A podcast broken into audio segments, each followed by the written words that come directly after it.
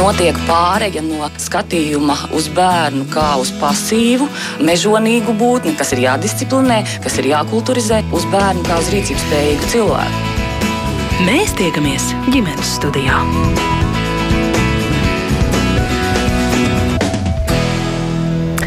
Labdien, raidījums ģimenes studija sāk savu skanējumu. Jūs sveicināta producente Ilza Zvaigzne, mans vārds ir Agnese Linka. Pēdējos divus gadus daudz un dažādi pasākumi ir bijuši uz pauzes, tostarp Ziemassvētku eglītes un ar svētkiem saistītie kultūras pasākumi. Nu, šo to mēs esam mēģinājuši mācīties baudīt ar ekrānu starpniecību, tomēr piekritīsiet, tas nav tas, un šogad viss par laimi atsākas ar jaunu jaudu un klātienē un dubultu sparu, tāpēc šodien ģimenes studijā mēs gribam nedaudz mēģināt pāanalizēt, kāds ir tematisks klasisko Ziemassvētku kultūras pasākumu piedāvājums ģimenēm un ģimenēm ar bērniem. Kāds tad ir mūsdienīgs Ziemassvētku stāsts un ko šobrīd jaunākajai auditorijai piedāvā Latvijas kultūra telpa? Par to sarunu šodien ģimenes studijā un tajā laipni piekritušas piedalīties šeit studijā klātienē ir režisore. Viņa arī sarīkojuma Ziemassvētku putekļu veidotāja Paula Pļauniece. Labdien! Labdien. Arī Rīgas cirka direktore Māra Pāvula kopā ar mums šodien. Labdien! Un ar Zoom starpniecību kustība ģimenes studijai. Mums ir arī viesi teikt, no aizputinātās kurzemes. Labdien, es saku Liepājas Lēļu teātra reklāmas un sabiedrisko attiecību vadītājai Ievai Hmieļevskai. Sveicināti! Sveiki! Jā, un um, vēl mēs gaidīsim, drīzumā būs kaut kāda iespējams arī teletilts ar Valmieru. No tās puses mums cerams pievienosies aktieris, kas šobrīd režisora amploā Imants Strāts, bet Imantam laikam vēl nav beidzies mēģinājums, un viņu mēs vēl gaidām. Jā, kā Alaži, jūs klausītāji esat laipni aicināti pievienoties šai sarunai ar kādiem saviem komentāriem, viedokļiem. Varbūt, mm, ja tādi rodas, rakstiet ģimenes studijā no Latvijas radio mājaslapas un varbūt varat ieteikt arī kādus svētku sarīkojumus, ko esat paši nolūkojuši apmeklēt un kas jūsuprāt varbūt pelna pieminēšanu šīs dienas sarunā, nu tad neturiet sveci zem pūra, atrakstiet mums no Latvijas radio mājaslapas. Vispirms es vērsīšos pie šeit klātienē esošajām eh, dāmām. Tātad Rīgas cirks beidzot restaurēts. Saka, ka tikai daļēji viss vēl pilnībā nav pabeigts, bet eh, kā es lasu, jūs iesākat ar to, ka atjaunojat tradīciju. Ziemassvētku eglīte, jeb svētku sarīkojums cirka arēnā nezinu, kura pirmā uzņemsies sākt stāstīt, kas no šī ir eh, sagaidāms. Vai Paula, vai Māra, vai vienotru papildinot. Mārijā. Es varbūt varu pateikt pa, dažus tādus ievadvārdus, jo nu šis mums ir tāds ļoti simbolisks solis. Nevis tikai tāpēc, ka arī Solomons, ka cirks um, tika, pir, tika atklāts ar Ziemassvētku izrādi, bet arī tāpēc, ka atgriežoties vēsturiskā ēkā, mēs atgriežamies kopā ar teātru trupu Quadrifrons, kas ir mūsu ilgtermiņa rezidenti.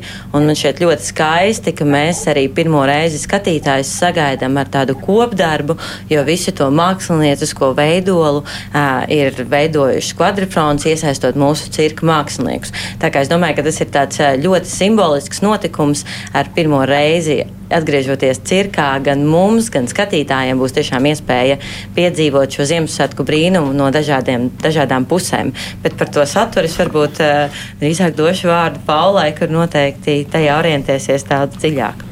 Ziemassvētki Ziemassvētku putekļi. Kas tad tas būs, Paldi? Nu jā, tad Mārija pareizi izstāstīja to visu sākumu, un uh, tad mums tā lieliskā sadarbība ar Rīgas cirku, un esot arī iespēju tur rezidēt ilglaicīgi. Arī pašiem bija tāds dzēta kvadrifrona, arī nekad vēl nav bijuši tāds Ziemassvētku, Ziemassvētku uh, uzvedums, sauksim to tā, un tā arī likās tāda lieliski iespēja to izdarīt, un kur nu vēl cirkā. Un arī tieši tāpēc, ka daudziem no mums ir kaut kādas tās bērnības atmiņas par cirka Ziemassvētkiem, un, un tā pašā laikā skaidrs, ka pasaule mainās un iet uz priekšu, un, un tās vērtības mainās un arī uz labu. Un, un tāpēc mums, mēs nolēmām, ka arī tas būvdarbu beigas, tādi celtniecības putekļi, ka viņi pārauga kaut kādā Ziemassvētku brīnumu putekļos, jo arī ejot pa ielu mēs redzam tos putekļus, un tas ir tāds kaut kas, kas ir gaisā to visu Ziemassvētku laiku, un tad cerams, ka ja gados jaunie skatītāji ar saviem arī vecākiem vai vienkārši cilvēki, kas būs atnākuši pirmo reizi, varbūt uz atjaunotu arēnu, kaut kādus to gaisā esošo Ziemassvētku maģiju, kas mijās ar cirka maģiju, tad varēs arī tur kaut kā sajust. Mm -hmm. nu, labi, tagad sapratām, kāpēc putekļi, bet nu, cik daudz ir iespējams atklāt par to, kāds ir tas stāsts tā visa pamatā. Nu, stāsts nu, tā tad uh, būs ne tikai cirks, būs arī visiem visu gaidītie rūķi, ko, protams, bērni ļoti bieži cer satikt tajos Ziemassvētkos, Ziemassvētku laikā. Un, nu, tad tas būs tāds maziņš ceļojums kopā ar tiem rūķiem un kaut kādu problēmu risināšana.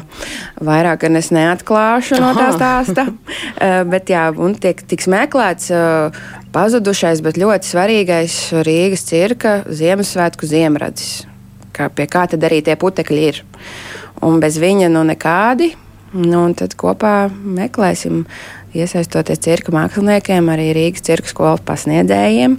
Cerams, nu, ka tur būs tie brīnumi, un tas ziemradzis arī tiks atrasts. Uh mhm. -huh. Vai tas ziemradzis ir kaut kāds vienradža radinieks, vai to drīkst atklāt?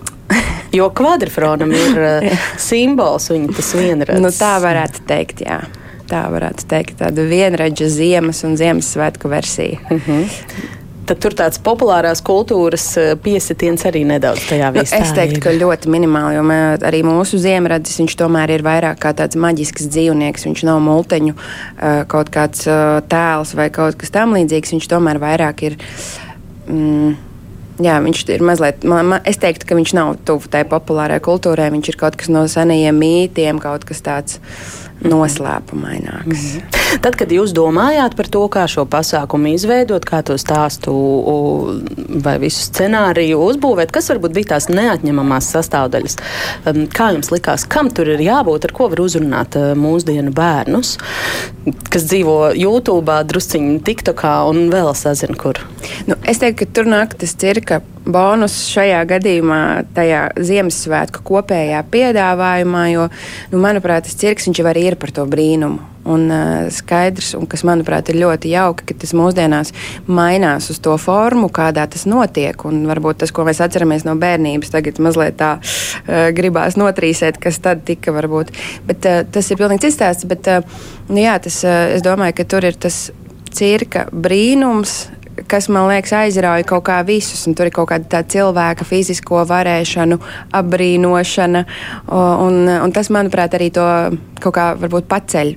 Uh, varbūt izceļ virs kaut kādām tādām uh, popkultūras vai klasiskākām tām Ziemassvētku uh, piedāvājuma tām vērtībām, tāpēc, jā, gribējās arī iet tādā tajā tajā gaumē, kas ir kaut kādas cilvēka spējas un varēšana, kuru mēs katrs varam skatīties un apbrīnot. Un, un tur arī kaut kāds tas brīnums radās. Mm -hmm.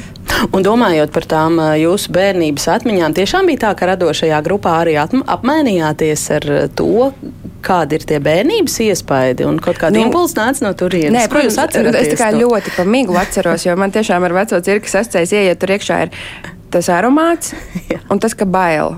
Un man vienmēr bija šausmas, man nepatīk klauni. Un tagad mums ir eh, iespēja strādāt ar argentīniešu klaunu Kronopio, kas man ir tāds eh, terapeitisks un arī vērtību pārvērtēšanas kaut kāds brīdis. Un skaidrs, ka ar pieaugušā acīm man tā kā vairs nav, bet tādi klasiskie klauni ar sarkaniem matiem eh, man nekad nav patikuši. Un, un tās arī tās manas bērnības atmiņas, kā, kad ir bailīgi un tas aromāts, bet uh, es gribētu teikt, ka šis kaut kas tāds tad, uh, ļoti kaut kas tāds jauna, forša tāda lapa, kur uh, pilnīgi ievad citā kaut kādā vērtības sistēmā, kas man šķiet ļoti forši. Mm -hmm. Māri, jums klausoties Paulas stāstītajā, varbūt gribas kaut ko pasvītrot vai piebilst. Jā, es, es gāju uz uh, Ziemassvētku izrādēm uh, visu bērnību. Uh, tas bija tāds ikgadējs pasākums. Un jāsaka, ka viss, ko es atceros no tā, bija brīnišķīgi lidojoši akrobāti. Un tas bija tas, ko es gāju skatīties uz cirku. Un par laimi uh, šī ir tā daļa, kur mēs arī varam saglabāt šo pārsteigumu, brīnumu ne tikai izrādē, bet um, visā tajā vidē. Mēs vēlamies radīt to atmosfēru, kur mēs ienākam un sajūtam uh, to Ziemassvētku atmosfēru. Un uh, vēl viena lieta, kas man uh, šķiet svarīga par to bērnu un jauniešu uzrunāšanu, tad es piekrītu Paulai, ka cirkam ir tāda uh, nu, priekšrocība. Jo cirks uh, nu, šajā izrādē cirks satiekas ar teātru, un mums ir divas valodas šajā izrādē. Mums ir ķermeņa valoda, un mums ir šī vārdu valoda.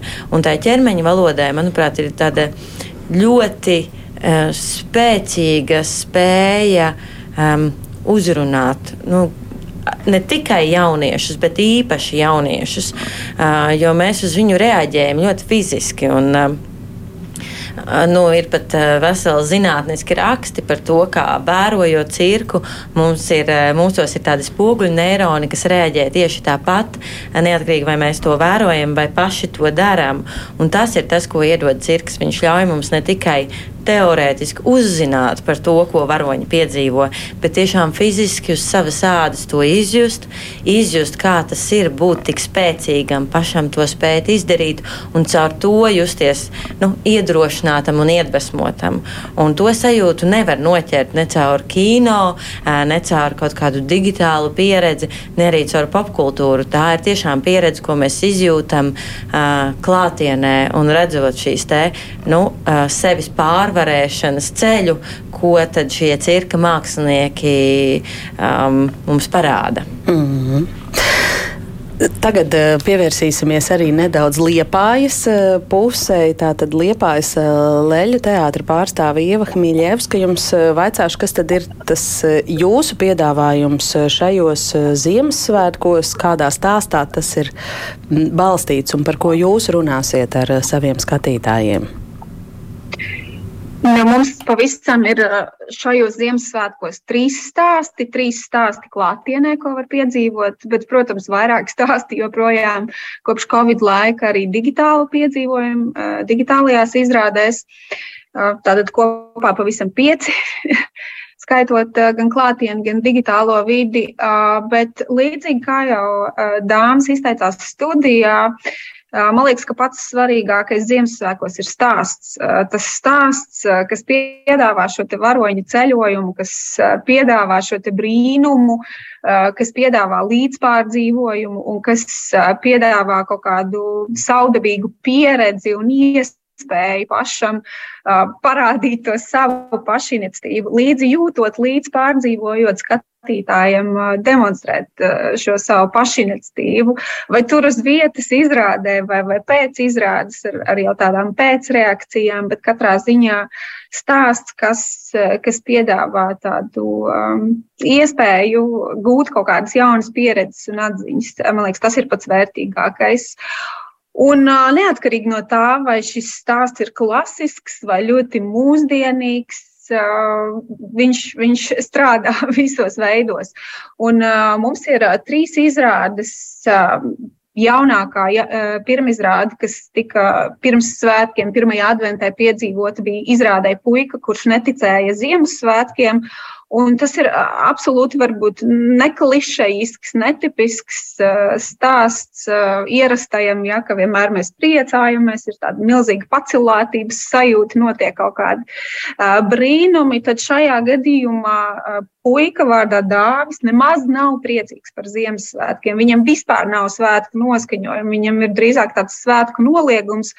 Viņa labākais draugs ir, ir pārvācies uz citu vietu. Viņa vienīgais viņa prāt, draugs un tas, kas viņu saprot, suns ir pazudis un kaimiņos ir ievāk, ievākušās kaut kādas kaitinošas meitenes. Viņa tēvs ir aktieris, kurš vienmēr Ziemassvētkos strādā, pārģērbjoties par Ziemassvētku vecīti. Viņam nav nekāda ne šī brīnuma sajūta, ne vispār ticība tam, ka brīnumi var notikt un caur uh, visparastākajiem ikdienas uh, notikumiem viņš uh, atrod šo svētku sajūtu un, un beidzot piedzīvoja. Ja?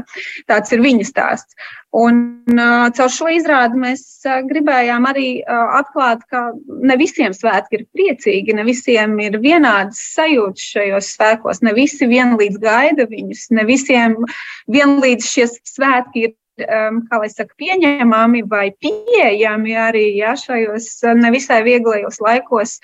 Un uh, ieraudzīt arī šo svētku pusi bija mūsu mērķis, nu, parādīt, iedot iespēju ieraudzīt šā, šādā skatījumā svētkus. Bet, protams, līdzās ir arī divi elfiņi, kuri burās, kuriem neizdodas un kuriem Eh, kuriem, kuriem beigās viss sanāk, un tā ir jau cita izrāde ja, par, par elfiņu pirmajiem Ziemassvētkiem. Un savukārt trešā izrāde ir ar uh, nelielu atsauci arī uz populāro kultūru. Tajā darbojās Olafs. Un, un, protams, šis vārds bērniem komentārus neprasa. Tad ir arī izrāda Olafa Ziemassvētki, un tur darbojās vis, visādi pasaku varoņi. Un šis ir varbūt tas uh, gadījums, kad uh, mēs gandarījam uh, tos, kam ir ļoti svarīgi šie populārie tēli, kas nāk no Hans Kristiāna Andersena pasakas, plus vēl populārās multiplikācijas filmas. Jā, un uh, tagad vaicāšu visām trim kopā, jā, klausoties arī ievas teiktajā, es domāju par to, cik lielā mērā veidojot uh, Ziemassvētku iestudējumus, Ziemassvētku pasākumus un ņemot vērā to, cik ļoti tomēr šie svētki ir komercializējušies un līdz ar to droši vien komerciāli komercializējas arī tā mazo skatītāju bērnu gaume. Cik lielā mērā jūs ļaujaties jā, tām popkultūras eh, ietekmēm, kurās dzīvo šie skatītāji, un cik lielā mērā tas tomēr ir par kultūru, par kvalitāti, kur jūs velkat tās robežas? Paula? Jā, es teiktu, kopumā es pat cik diezgan daudz tās bērnu izrādes taisu. Un arī bērniem veltītu kaut kādu saturu, man tā gauma vienmēr šķiet ārkārtīgi svarīga. Jo mm, arī, piemēram, strādājot ar Latvijas Nacionālo simfonisko orķestri, nu, ir, nu, manuprāt, ir kaut kā, tas tomēr arī ir veids, ko cilvēks iemācās. Un, piemēram, ja tas ir orķestris vai tas ir cirks, nu, to nevar pārsātināt tai gaumē ar, ar kaut kādām popkultūras vērtībām tikai tāpēc, ka tas, tas ir mans viedoklis, tikai tāpēc, ka tas strādā.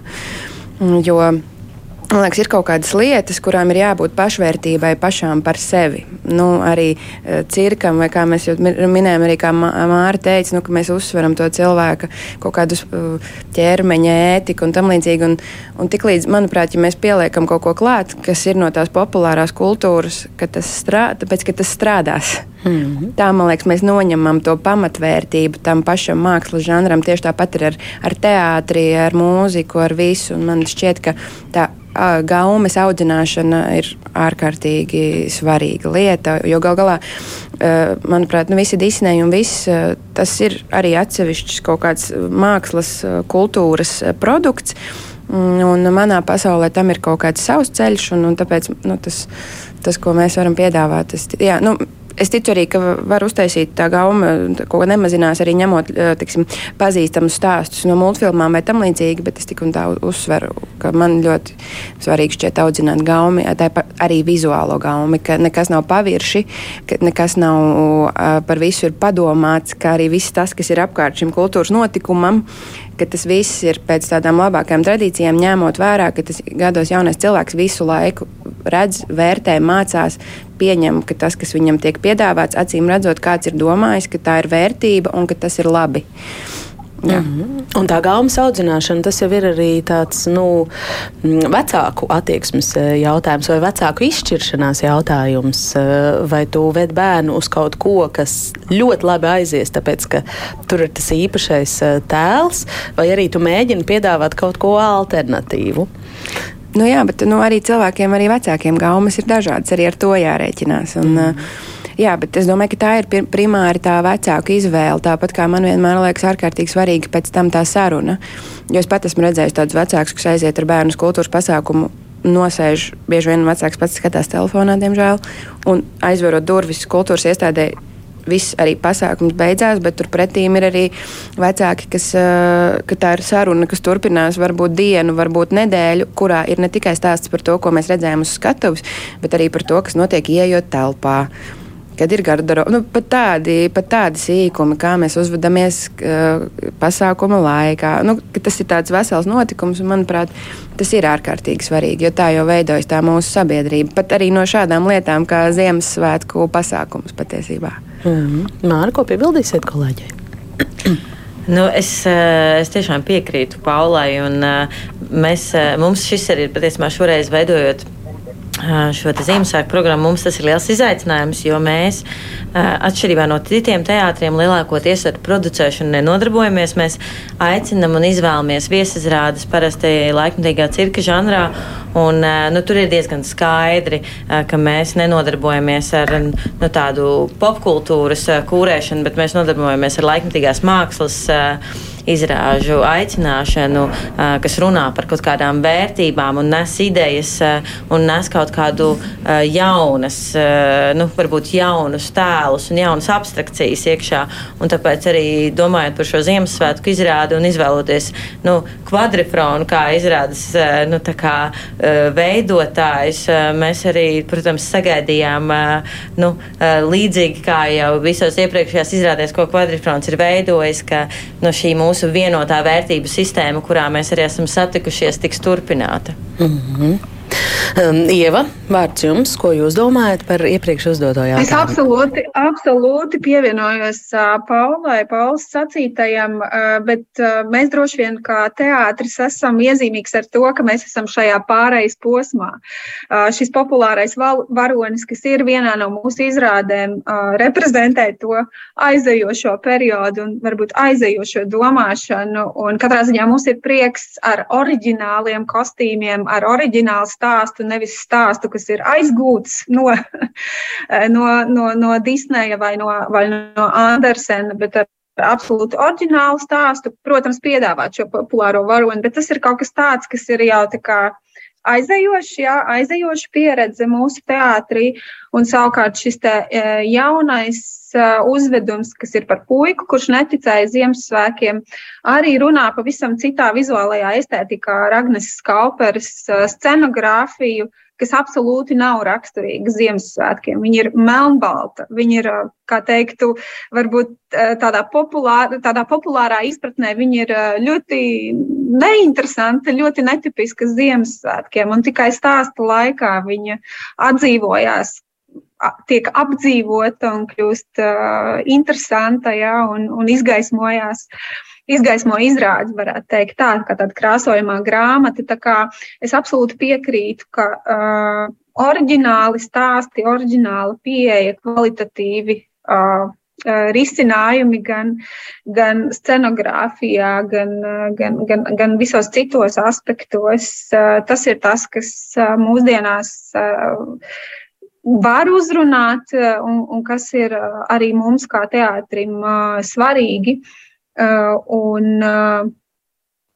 un, un, protams, apzinoties šīs dažādas gaumes, gan, gan vecākiem, gan arī līdz ar to bērniem. Tā ir arī ne tikai vecāku izvēle, bet arī tāda teātra apzināta izvēle, kuru ceļu iet vai, vai iet šo vieglo naudas pelnīšanas ceļu, vai, vai tomēr dot kaut ko vairāk, dot kaut kādu virsvērtību. Caur, vai, caur izrādēm, caur notikumiem. Vai jūs arī redzat, ka šīm divām vai trim dažādām atšķirīgām izrādēm varētu būt ļoti atšķirīgas auditorijas? Precīzi, tieši tā arī ir. tieši tā arī ir.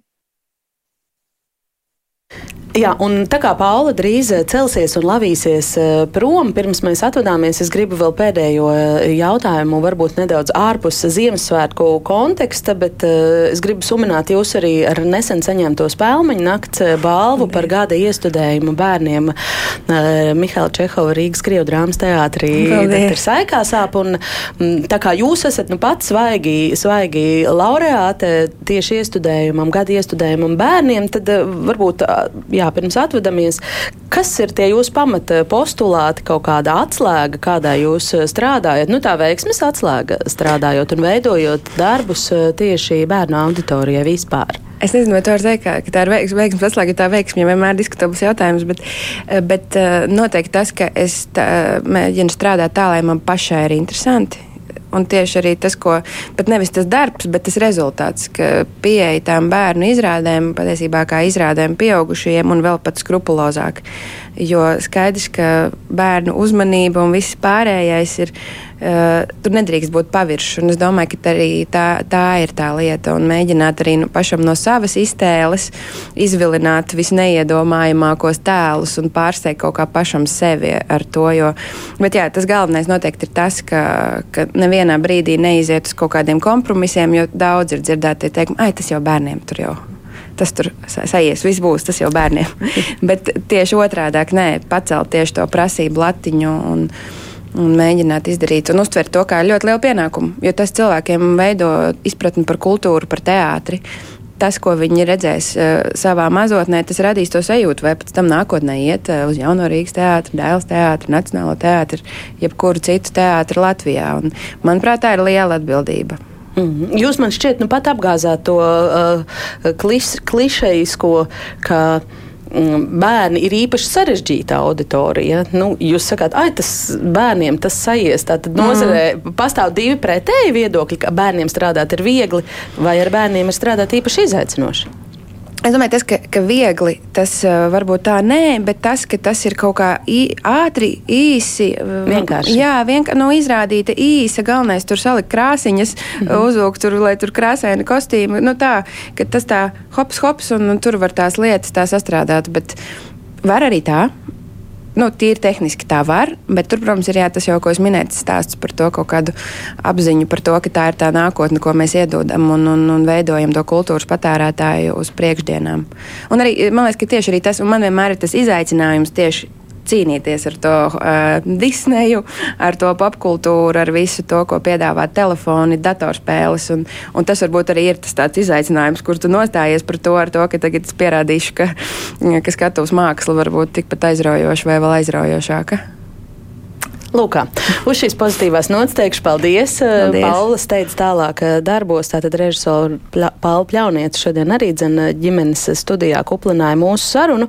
Es atgādināšu, ka mēs šodien spriežam par to, kas ir mūsdienīgs Ziemassvētku stāsts un ko šobrīd tai pašai jaunākajai auditorijai piedāvā Latvijas kultūras telpa. Un šeit studijā, kā jau teica Paula Pļauniece, bija un dodas prom Rīgas cirka direktora Māra Pāvula joprojām paliek šeit arī ar Zoom starpniecību Liepājas Leļu teātra pārstāvi Ieva Hmieļevska. Un, mm, nu, beidzot, mēs esam sazinājušies un mums ir eh, izdevies, kā es sākumā teicu, teletilts ar Valmieru. Nezinu, cik briesmīgi esat jūs vai neesat ieputināti no Valmieras puses. Mums pievienojas aktieris, šoreiz arī darbojas kā režisors pie Ziemassvētku muzikāla iestudējuma Grīņča Ziemassvētki Imants Strāts. Labdien!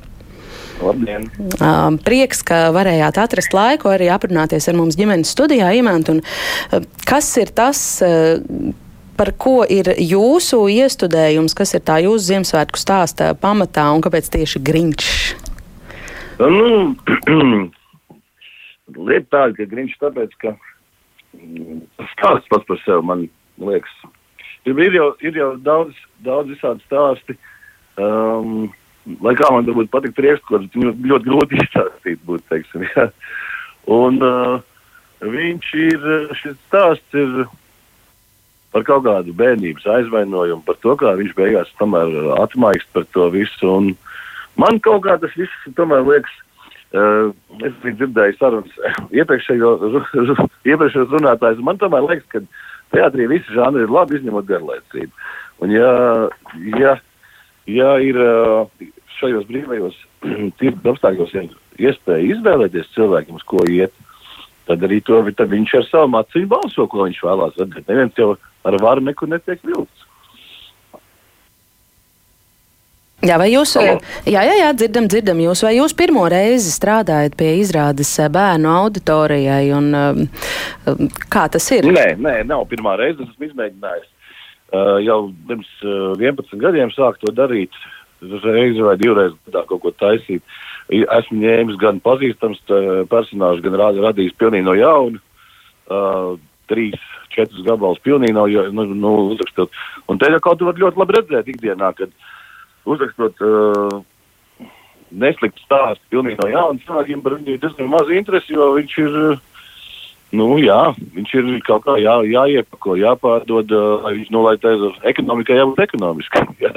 Lai, teiksim, šo izrādu Latvijā visur aizvest, parādītu, mm, benzīna cenas aug, nu, viss tomēr tas ir, nu, tāds Un, ja, ja visi vis šie gabali vairāk bijuši koncentrēti uz to, ka viņi ir izbraukošas, izbraucoši pa valsti, izrādes, aizvedams, parādāms visos lielākajos, pat ne tikai lielākajos, arī, arī vidējos, vidējos kultūras namos. Tad, ja jūs to darāt jau ilgāku laiku, tad es jums tiešām varu tā prasīt par novērojumiem, kas ir tas, kas strādā mūsdienu bērnu auditorijai, tie vienojošie faktori. Nu, manuprāt, tur ir. Tur ir tā, ka tas prasa bieži vien lielāku atdevi arī no aktieriem, jo ir jāstrādā mazu lietu citā uh, žanrā. Uh, nevar spēlēt čehoviski bērnam, tad viņš tur aizmigs. Es domāju, ka tad vēl tik skatītājs, skatītājs ir jāierauga. Ir, jābūt, ir, ļoti jābūt um, iekšēji enerģiju piepildītiem šiem tēliem, lai viņi aizsniegtu šo skatītāju mūsdienās, kas ir cilvēki, kas ir auguši uh, telefoniem, planšetēm jau no mazotnes, lai tu viņus iesaistītu šajā teātra piedzīvojumā. Un tam, tam ir jābūt ļoti uh, prasmīgi izdarītam. Tāpēc arī nevienmēr var piekrist par to, ka, uh, nu, kad, teiksim, cilvēki citu viedokļu vīpsnā vai ko saka, ka nu, kā, tad, nu, tur jau tas tā, tāds vieglais žanrs. Nē, tā galīgi nav. Tas ļoti daudz uh, fiziski paņem. Jo bieži vien teiksim, tā, kad uh, nu, ir kaut kādi brīži, kad uzmanība zūd un tev ir jāspēlē tāpēc uh, vienalga ir jāspēlē tālāk šis stāsts, bet bērni, teiksim, tur sāk, nu, viņi vai arī viņi ļoti maziņi, vai raud, vai vienkārši tur kaut ko mammai prasa, vai iet uz to, lai tā ārā, ja. Un tas, tas jau viss, viss ir tā likt, uh, kaut kāda daļa no šīs mājas karoziņas, kas ir jāpiedzīvo. Un visam tam ir jābūt, tev jābūt tik psiholoģiski stipram, ka tu turpini spēlēt to izvēli līdz galam. Nu, atkal kā. Jā. Vai es drīkstu arī jautāt, vai jūsu grīņš šajā muzikālajā uzvedumā tas stāsts ir viens, viens, viens pret viens ar kinofilmu? Nu, viens pret viens kinofilmu jau, nu, jūs tas nav iespējams. bet, bet stāsts ir samērā tuvu tam, kā, kāda ir tas autors viņu rakstījis savā laikā. Jā. Jā, tā kāds klausītājs mums raksta, Grīņš nav popkultūra, tā ir Latvijas klasika. Vai jūs piekrītat arī, ka pasākumu klāsts šogad tieši ģimenēm ar bērniem uz Ziemassvētkiem šķiet tāds sevišķi plašs, un vai jūs kaut kā vērtējat arī konkurentu, kolēģu idejas un ieceres? Imant. Nu, es domāju, ka, nu, piemēram, mums ir arī Grīņš, viņš 17. gadā jau izbrauc Latviju.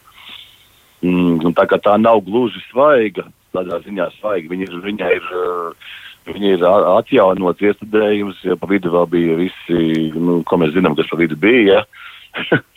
bet, bet, bet katrā gadījumā uh, ir, paš, nu kā agrāk, teiksim, Meļu teātrī vai kur bija, uh, es nezinu pats, es, man liekas, es pīpu kādus astoņus gadus pēc kārtas Ziemassvētkos, tik no skolas vēsts, nu varbūt no skolas četras, bet pārējās kaut kādā citā sakarā. Ja. Nu, tā, tā vienkārši tas ir tāds. Uh, Uh, tas ir tāds varonis, jo viņš, un man, man, man liekas, arī tā veiksme ir šajā gadījumā tā, ka tur jau vecākiem ir sava līnija, ko nolasīt, un pie bērniem ir sava, un, un tas ir atkal tāds, uh, tas ir, tā, nav tā, ka vecākiem būtu, ak, Dievs, nu, ja tagad, kamēr bērns tur ir uh, skatīsies, kā viņam rāda, kaut kādas lietas, tikmēr var te mierīgi pasēdēt telefonā. Tā tur nav. Mums nav tā, ka zālē būtu kaut kādas gaismiņas no telefoniem redzams. Jā. Vai arī ir iespēja salīdzināt, kā tas eh, pēc pandēmijas laikas, vai, vai pandēmijas laikā tas skatītājs ir mainījies? Ja jūs sakat, 17. gadā šis jau ir rādīts un tagad atjaunots. Nu, kā lai pasakā, skatītājs jau ir mazais skatītājs. E, viņš patiesībā sakot, ļoti aizrautīgi ņem to visu pretī. Un, um, ja to viss dara godīgi, tad viņam kāpēc lai viņam būtu kādas, kādas problēmas to saprast. Viss tur ir diezgan um, skaidri, bet nu, tā jau, tā es varu pateikt, ka kaut kādi cilvēki, kas toreiz redzēja, jau ir varbūt, varbūt pat vidusskolā jau iet, ja, nu, nu, Tagad ejam atkal pēc kāda laika, varbūt tikai iesaukt. Kā, man man ļoti grūti pateikt par to. Vienkārši zālē tā, tā bērni un ņurdoņi, tā brīnuma gaidīšana, kad, kad atvērsies tas priekškars un kad parādīsies tas uh, zaļais personāžs un, un māsas bezmēs to tik brīnišķīgi dara, kad tur uh, man vienkārši tikai par prieks skatīties arī uz to, kā vienmēr dabīgi es sēžot zālē, skatos kāda publikas reakcija. Un es biju ļoti pārsteigts, ka, piemēram, Jāgavā bija ļoti daudz slāvu tautības bērnu. Un, un man liekas, ka teikšu, šādā veidā caur izrādēm viņi arī apgūst uh, labāk latviešu valodu. Jo ar vecākiem viņi runāja, piemēram, krieviski. Un es redzu, ka vienkārši ir ļoti, ļoti daudz šādu, šādu skatītāju, jo viņiem iespējams, ka netiek piedāvāts tik daudz, uh, liels, tik, tik liels plašs piedāvājums decembrī kā latviešu bērniem. Līdz ar to viņi arī izvēlās doties uz šiem gabaliem, skatās viņus latviešu valodā un tā laikā attiecīgi iespējams arī labāk apgūst to valodu.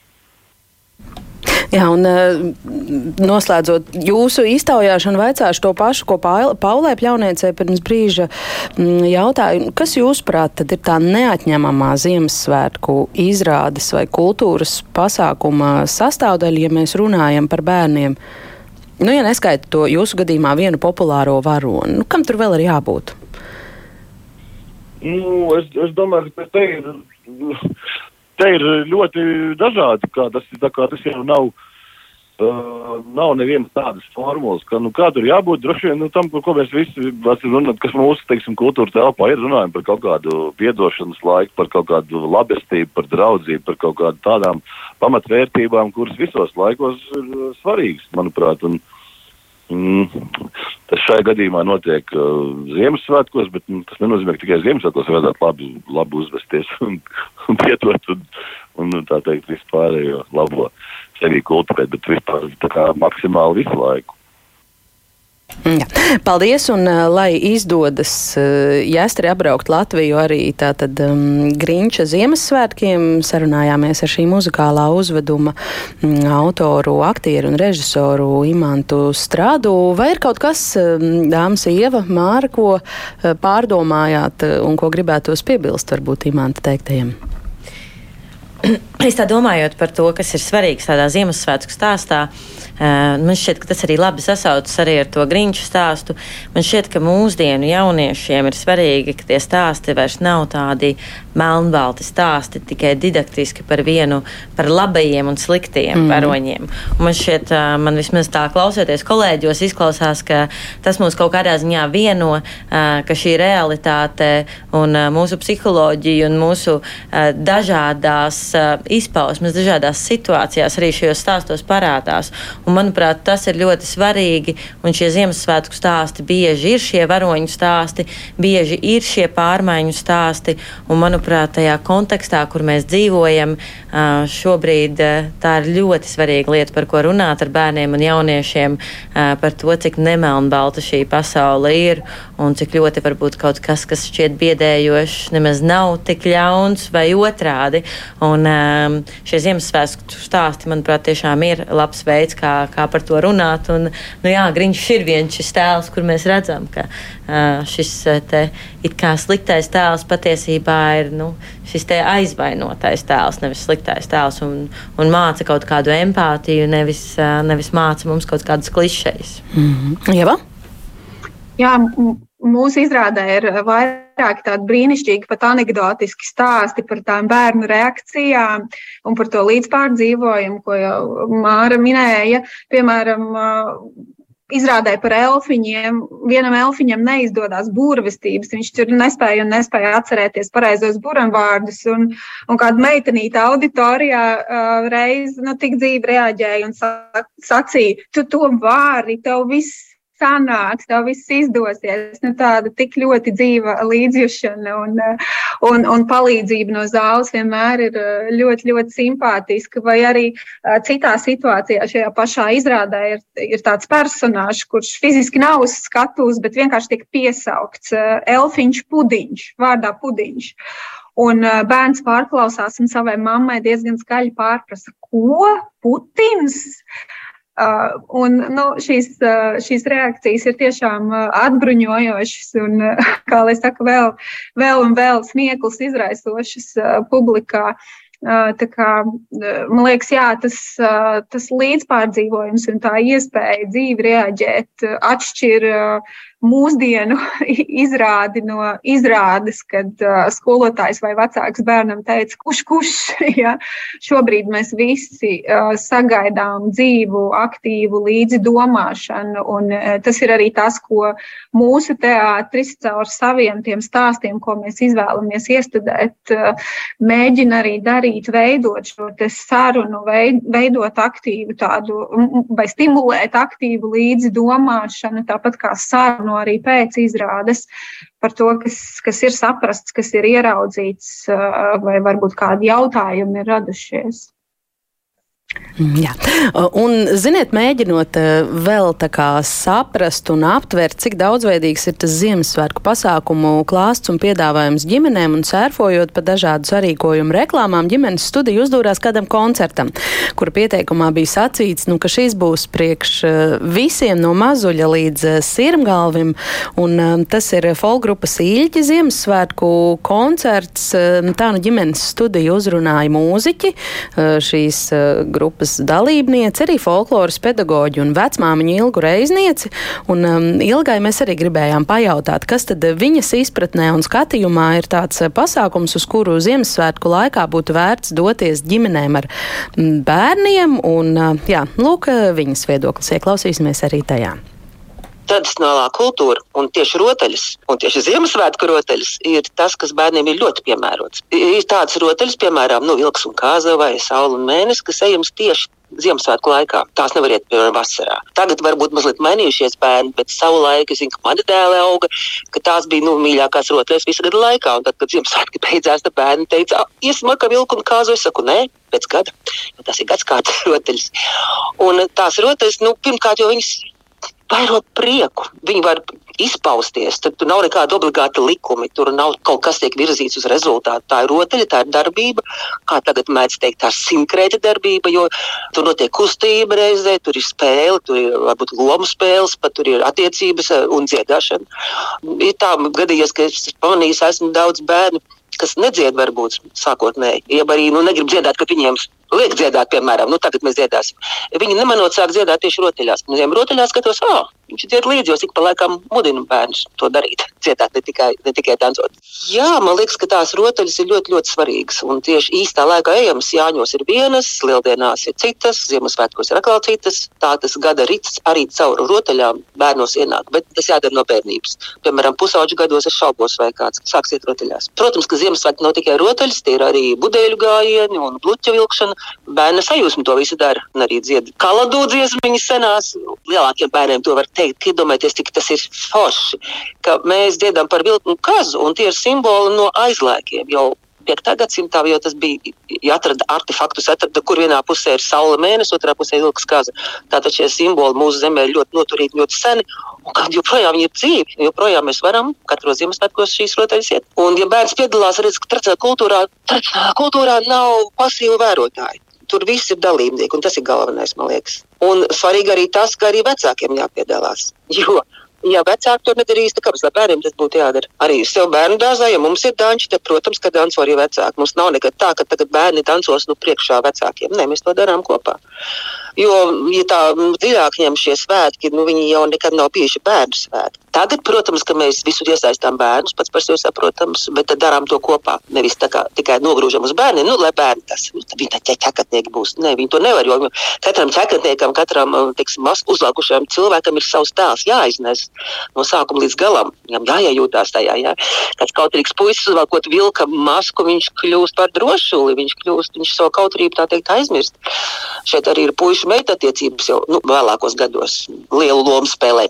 Par tradicionālo kultūru runājot, kā jūs redzat arī varbūt uz sev apkārt esošajiem bērniem, pusauģiem skatoties, cik lielā mērā tā popkultūras ietekme tomēr ir tik spēcīga, ka tā tradicionālā kultūra kaut kādā mērā zaudē savas pozīcijas? Protams, protams, šī iemesla dēļ es savulaik aizgāju no skolas projām. Es sapratu, ka es vairs negribu ar globālo šļuru, kā es to saucu, cīnīties, tāpēc, ka man vajag tā, lai bērniem patīk, viņam ļoti patīk folklora. Tad, kad es jūtu, ka man spēlē par grūti, es aizgāju aizgāju no skolas un strādāju tikai bērnu dārzā, bet, nu, aiziet no skolas, uzrakstīju grāmatu tomēr par to, kā to visu darīt. Un, cik es zinu, skolotājs daudz kur pēc šīs grāmatas strādā un tas noder. Es nezinu, vai jācīnās būtu, tas no ģimenes atkarīgs īstenībā, ko ģimene izvēlās. Vai viņi grib, lai bērnam ir kaut kāda pamata savas kultūras vai nē ja viņiem tas vienaldzīgi. Ko bērni klausās, kādu mūziku bērniem liek klausīties, kas viņiem skan, vai tikai tas, kas rādio piedošana, vai, vai tas, kas skan lielveikalos tik ļoti apnīkoši pirms svētkiem parasti,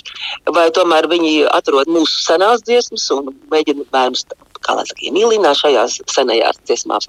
Nu, mana pieredze ir tāda, ka bērniem patīk. Un, ja, ja visa ģimene to dara, tad bērn, bērniem tas patīk un tas arī strādā. Nav tā tikai tā, ka mums jādara tas tāpēc, ka tās ir tradīcijas. Nē, tas ir forši. Kā ir teiksim, jums vērojot savus mazbērnus, vai arī jūs eh, redzat tās ārpasaules ietekmes, un vai jums izdodas viņus iemīlināt atkal un atkal tajās nu, kad viņi bija tradicionālajās maziņi, viņi pie manis uz pulciņu nāca, un mēs to kopā darījām. Tagad, kad ir lielajiem pusauģu gadi, tas, protams, ir kaut kas pilnīgi cits. Un es nemēģinu šajā vecumā viņus kaut kā pārliecināt. Un arī nav tāda piedāvājuma. Īstenībā pusauģu vecums ir grūts. Vēl kādam gadiņam jāpāriet, un tad atkal gribēsies un atkal patiks. Bet, nu, mana vidējā mazmeitiņa, kas uh, gan dzied domas skolas korī, gan arī viņai patīk visas tās rotais un viss dančs, ko mēs darām. Pagaidām viss, kamēr vēl nav pusauģi gadi, viss ir jauki un labi. Un bieži ir bijis tā manā praksē, ka caur bērniem arī vecāki sāk interesēties. Un vecākiem arī patīkās. Savulaik mēs rīkojām, rīkojām skolā tieši danču vakars vecākiem. Un vecāki nāca un mācījās to, ko viņu bērni jau prot. Teiksim, tās ģimenes, kas nāk pie manas puciņas, protams, tie visi ir ieinteresēti cilvēki. Tas ir savādāk. Bet bērnu dārzā saskaros ar šādiem bērniem, kas nu, vispār nekad mūžā nav dziedājuši un kuriem var redzēt, ka nav, nav nekad dziedāts. Bet uh, lēnām pamazām, lēnām pamazām, beidzot, bērnu dārzu, viņi ar prieku to visu dara. Dzied ne tikai angliski YouTube dziesmiņas, bet kaut ko latviski arī var nodziedāt, un arī uz Ziemassvētkiem. Nu, noteikti, nu, noteikti, jā. Vienīgi interesanti, ja, piemēram, man gribētos aizvest to savu mazo bērnu kaut kur, kur viņš būtu kaut kādā šajā tradicionālās kultūras pasākumā, piemēram, Ziemassvētku noskaņā, tad kādā virzienā es vispār varētu raudzīties? Katru gadu 21. decembrī uh, Vecrīgā notiek bluķa vilkšana, un tur piedalās vairāki folkloras ansambļi. Parasti tie ir, ir skandinieki, grodi, vilkači, un tur var piedalīties jebkurš. Ja nav nekas pret bluķa vilkšanu, un tur, protams, ir ne tikai tā bluķa vilkšana, bet jautrība, maskas, danču un rotaļas. Tas notiek ļoti dabiski, dzīvelīgi un ar lielu prieku. Jā, tos var ieteikt. Bet YouTube var atrast diezgan daudz rotaļas, kas ir iefilmētas ko es ar savu puciņu bērniem tieši arī Ziemassvētku rotājos var atrast diezgan daudz. Tā kā ja kādam ir interesi pamācīties, tad nu, tur ir ļoti labi redzēt, paskatīties un pašpikot un, un darīt pašiem. Un ilgais noslēgumā jums vaicātu tā varbūt nedaudz filozofiskāk. Jums pašai saviem mazbērniem, ko no Ziemassvētku stāsta liekas vissvarīgāk izstāstīt? Nu, svarīgākais laikam man ir tas, ka pašlaik ir tumšākais laiks gadā, un tumsa būs līdz Ziemassvētku un tad gaisma atzīmes. Un pirms gaismas vienmēr jābūt tumsai. Un ar to būs arī tāda dzīve ne tikai saulgriežu brīžos, bet bieži vien, kad liela, liela tumsa liekas dzīvē, tad tu zini, ka pēc tās tumsas būs gaisma. Un pārdzīvot šo tumsu, nu, man personīgi. Un arī domāju, daudziem, daudziem maniem draugiem un manai ģimenei palīdz arī šīs Ziemassvētku dziesmas, un tas, kas viņās ir par saules meitu, kas viņās tur ir dziedams, un tas, ka mēs zinām, ka gaisma būs vairāk un vairāk, gaisma pieaugs. Tas ir tas varbūt labākais Ziemassvētkos. Mēs tiekamies ģimenes studijā. Un um, tālāk runāja mūziķe, folkloras pedagoģa, arī vecmāmiņa Ilga Reizniece, un arī viņas teiktajā, Ieva, kā jau jūs iepriekš pie, pieminējāt, daudz uzsvers uz līdzdarbību, vai ne? Un vēl man likās, ka tur tas motīvs, ka pirms gaismas vienmēr ir uh, drusku tumsas, tas arī ir kaut kas, kas ir vienojošs laikam visiem uh, Ziemassvētku stāstiem, lugām un uh, izrādēm, vai var tam piekrist? Ieva. Nu, bez tā jau nebūtu šī varoņa ceļojuma, ja nebūtu no šī zemākā punkta iespēja pacelties uz augstāko punktu, sevi pārvarēt, pārvarēt kaut kādas uh, pārestības, aizvainojumus, bailes vai ko citu. Uh, šis stāsts par tumsu gaismu un uh, par labo ļauno, par bailēm un par drosmi ir katrā varoņa stāstā ietverts. Un, un, protams, arī šajā gadu ritā tas mums māca gluži kā stāstā par laimes lāci pēc tumsas Jā. gaismā ausīs. Jā. Un patiesībā tāda gaisma, riktīgi īsta gaisma, tagad aust arī Rīgas cirkam. Es Mārai teicu, ka pēdējās dažās atlikušajās rādījuma minūtēs es gribu vēl pagūt nedaudz izvaicāt arī par to. 2023. gads vairs nav aiz kalniem. Kas ir tas?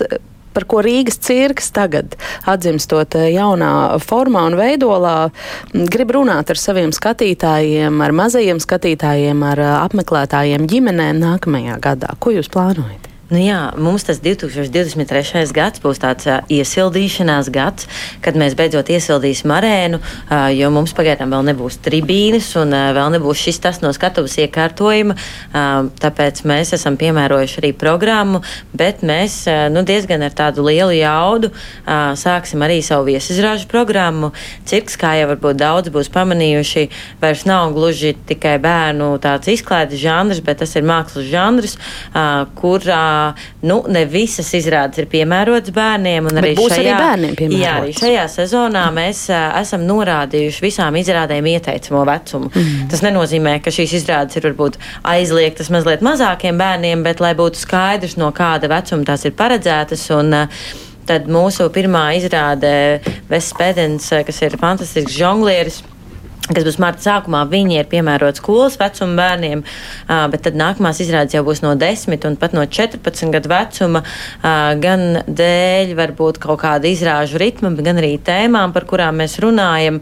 Laikmīgais cirks bieži runā mazliet abstraktāk, ne gluži tādā klasiskā narratīvā stāstā, bet tās idejas, par kurām runāt, ir ļoti dažādas un varbūt gan tādas par par izaicinājumiem un savām, saviem personīgiem izaicinājumiem un sevis pārvarēšanu, gan, piemēram, izrādi, kuru mēs vedīsim Jā, bija aprīlī franču izrāda triptika, kuru mēs iesakām pieaugušajiem un noteikti arī pusauģiem. Šī ir tā izrāda, kuras aicinātu nākt arī pusauģis, um, jo šī izrāda ir par tādām varas attiecībām, un gan varas attiecībām mūsu personīgos, uh, individuālos līmeņos, gan arī varas attiecībām, kad mēs runājam jau tādos globālos un politiskos, uh, politiskos līmeņos.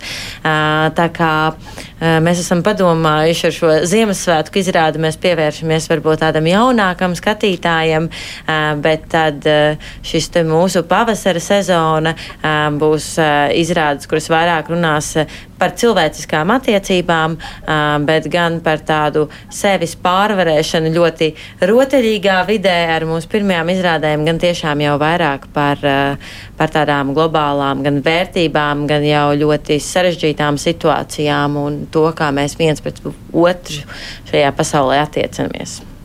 Lūk, visas veiksmes eh, to darot. Paldies eh, par sarunu ģimenes studijā. Šodien saku Rīgas cirka direktorai Mārai Pāvulai, arī dzen eh, ģimenes studijā šodien tikāmies attālināt ar Liepājas Lēļu teātra reklāmas un sabiedrisko attiecību vadītāju Iehu Miļevsko, arī Imants Strats, Paula Pļauniec un Ilga Reizniec runāja šodien.